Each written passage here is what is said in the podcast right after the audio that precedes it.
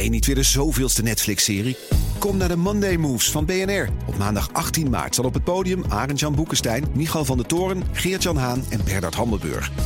Ze hebben het over geopolitiek. Het is oorlog. Moeten we vechten, vluchten of bevriezen? Onder leiding van mij, Art Rooijakkers. 18 maart dus in het De La Mar Theater in Amsterdam. Check bnr.nl slash mondaymoves. Postma in Amerika. Tijd voor het Amerikaanse nieuws door de ogen van onze correspondent in Washington, Jan Postma. Jan, na de State of the Union toespraak zijn Democraten enigszins opgelucht over Biden?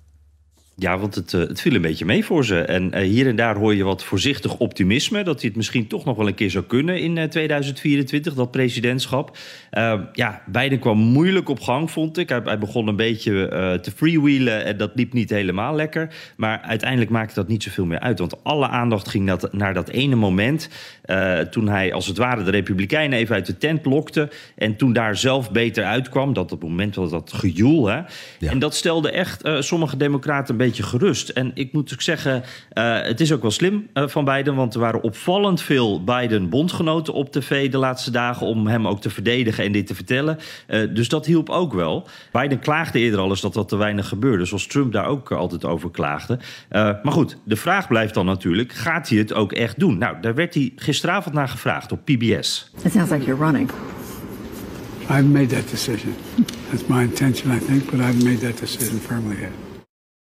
Ja, hij mompelt hier wat, Bernard. En dan klinkt hij toch wel weer een beetje oud, moet ik zeggen. Want ik verstond in eerste instantie, I made that decision. Ja, maar ik, ik heb ook. moeten zoeken en een paar keer moeten luisteren. Hij zegt, ik heb die beslissing nog niet genomen. Het is mijn intentie, denk ik. Dus ja, de echte aankondiging is het nog niet. En die wordt de komende weken ergens verwacht. Ja, hij klonk buiten adem. En misschien, ik dacht, na zo'n lange toespraak is hij misschien buiten adem. ja, precies. Ja. Hey, um, even over de kijkcijfers. Lyndon Johnson heeft ooit bedacht dat je de, de, de State of the Union moet uitzenden in primetime. Want dan heeft het zin, dan krijg je miljoenen uh, kijkers. Hoe zat het met de kijkdichtheid? Ja, dat, dat viel een beetje dan weer tegen. Dat is dan weer de andere kant. Ik moet wel zeggen, dat is de laatste jaren al zo. Hè, maar uh, 27 miljoen kijkers is de eerste schatting. Uh, dat komt nog een paar miljoen bij waarschijnlijk. Maar dat is wel echt duidelijk minder dan vorig jaar. Toen waren het er nog 38 miljoen voor Biden. En ter vergelijking, in 2018 hadden we een piek. Toen haalde Trump 45 miljoen. Dus echt veel meer. Bijna, bijna twee keer zoveel. Maar een kanttekening erbij. Ja, wie kijkt er nog live tv? Hè? Een hele jonge generatie doet dat niet meer. De Grammys bijvoorbeeld die grote show. Die waren een paar dagen geleden al blij met 12 miljoen mensen. Dus het is ook maar relatief. En ja, het gaat steeds meer om de clipjes die via social media en andere kanalen gedeeld worden. En dat, dus het, het, beeld van Lyndon Johnson, het idee, dat is inmiddels ook wat uh, veranderd. Ja. Uh, en nog wel interessant, verreweg de meeste mensen, het is geen verrassing, keken via Fox News. Dat waren bijna 5 miljoen. En dat is ook heel belangrijk, want daar worden die clipjes allemaal herhaald en geduid. En daar krijg je natuurlijk een heel ander beeld. Uh, ja, het is een beetje de grootste spinroom van Amerika, eigenlijk Fox News. Ander beeld dan bij andere zenders. Ja, maar en hoezo anders?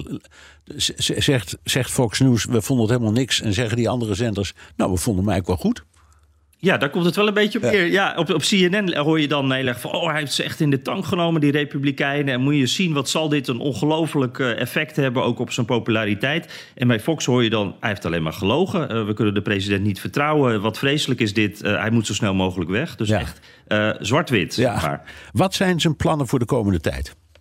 Ja, hij was uh, meteen na de State of the Union op campagne in Wisconsin. Uh, en dan denken we dus aan die aankondigingen hè, die we binnen een paar weken verwachten. Uh, belangrijke swing state Wisconsin. hij, gaat daar zijn, hij heeft daar zijn, nou, als zijn grote plannen is hij daar eigenlijk een beetje zo aan het verkopen en aan het laten zien wat voor effect dat heeft. Maar er wacht ook nog een belangrijke beslissing. En dat is wel interessant, want zondag is de Super Bowl. En nou, dat is een kijkcijferhit. Het kijkcijferhit eigenlijk van, van het jaar. De kijkcijferhit. 100 miljoen Amerikanen kijken daarnaar. Uh, en dat is dus heel belangrijk. En de traditie daar is dat de president dan een interview geeft aan de zender die dat jaar de wedstrijd uitzendt. Maar dit jaar is dat Fox News. En Biden heeft daar nog niet gezeten voor een interview. En ja, we zeiden net al, dat is niet de vriendelijkste omgeving voor hem. Er is nog geen besluit of het gaat gebeuren vanuit het Witte Huis. Ik moet zelf zeggen, ik zou dat dan wel weer slap vinden. Want de president moet toch ook een paar kritische vragen aankunnen. En als hij dat niet doet, dan denk ik dat dat ook wel eigenlijk iets zegt hoe hij ervoor staat als potentiële kandidaat. Ja, Lijkt mij ook. Oeh, ben benieuwd zeg. Dank. Jan Postma, correspondent in Washington. Wilt u meer horen over dat fascinerende land? Luister dan naar de Amerika-podcast van Jan en mij. De toekomst roept. Minder CO2. Lies je mee? Dit is het moment om te kiezen voor de Tesla Model 3, Toyota Pro-Ace Electric of Volkswagen ID3.